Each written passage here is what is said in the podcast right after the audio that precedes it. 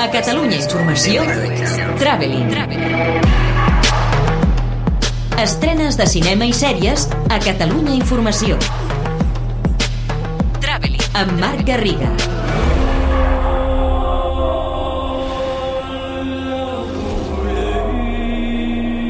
L'estrena de la setmana pel hype que ha generat durant 3 anys i pel fet que és el resultat de la pressió popular és la Lliga de la Justícia de Zack Snyder, que ja es pot veure a HBO.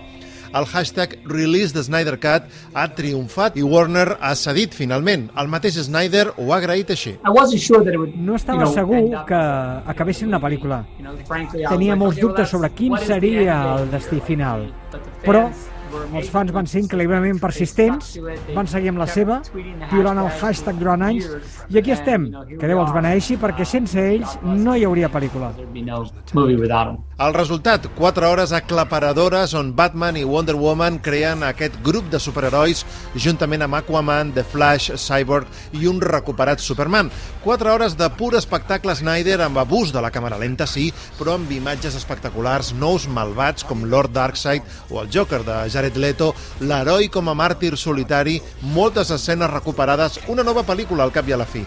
És redundant, això sí, excessiva potser, però els fans li agrairan. Hi haurà moltes portes noves a banda d'encaixar perfectament en el context global actual. No arriba al nivell d'Endgame, la cimera dels Venjadors, però DC pot aixecar una miqueta al cap després dels desastres de la segona part de Wonder Woman o Aves de Pressa.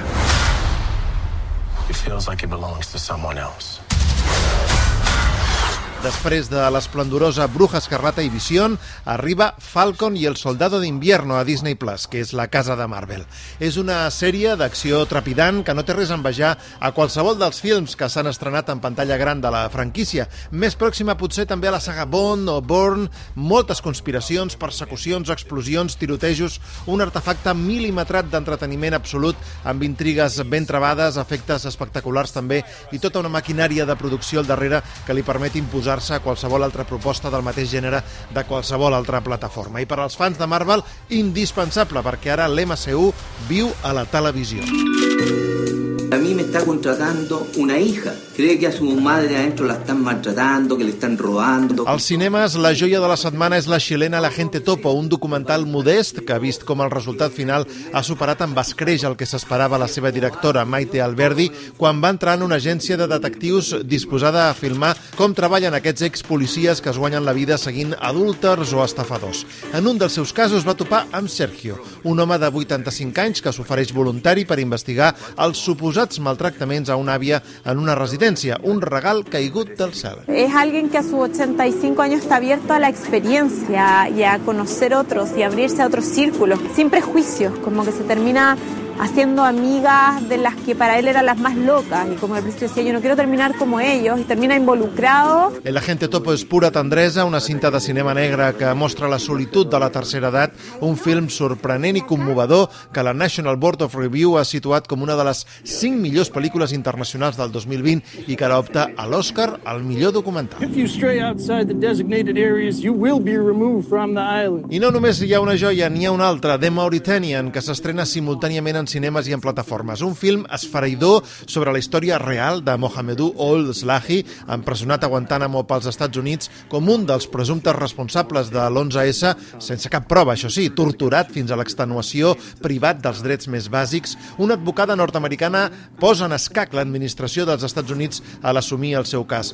Tahar Rahim i Jodie Foster, que ha guanyat un Globus d'Or per aquest paper, són l'ànima d'aquest film revelador i necessari perquè ens adonem de com funciona la teòricament millor democràcia del món. Completen la cartellera dos films d'intriga pausada, la romanesa La Gomera, filmada en aquesta illa canària, i la francesa Los Traductores, que compta amb Eduardo Noriega, Lambert Wilson i Olga Kurilenko. I en plataformes destaca el dia 22 a Movistar Plus la feminista Fanny Lai Liberada i a Filmin el documental El Dissidente, que pretén esclarir la mort del periodista saudita del Washington Post, Jamal Khashoggi. Este es mi club.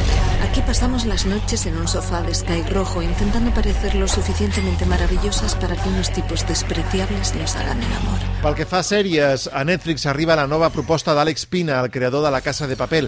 Sky Rojo, veu i molt d'aquella. Comparteix l'humor negre, l'acció frenètica, la trama desordenada per fer-la més intrigant, les frases lapidàries, la textura de videoclip i fins i tot la presència d'una veu narradora en off. Són vuit capítols de 25 minuts sobre la fugida desesperada de tres prostitutes, Verónica Sánchez, Lali Espósito i Yani Prado, que volen allunyar-se del seu proxeneta, un magnífic Asier Echeandía, i dels seus sequassos Miguel Ángel Silvestre i Enric Auqué. Els seus creadors la tillen de pulp llatí, i ho és.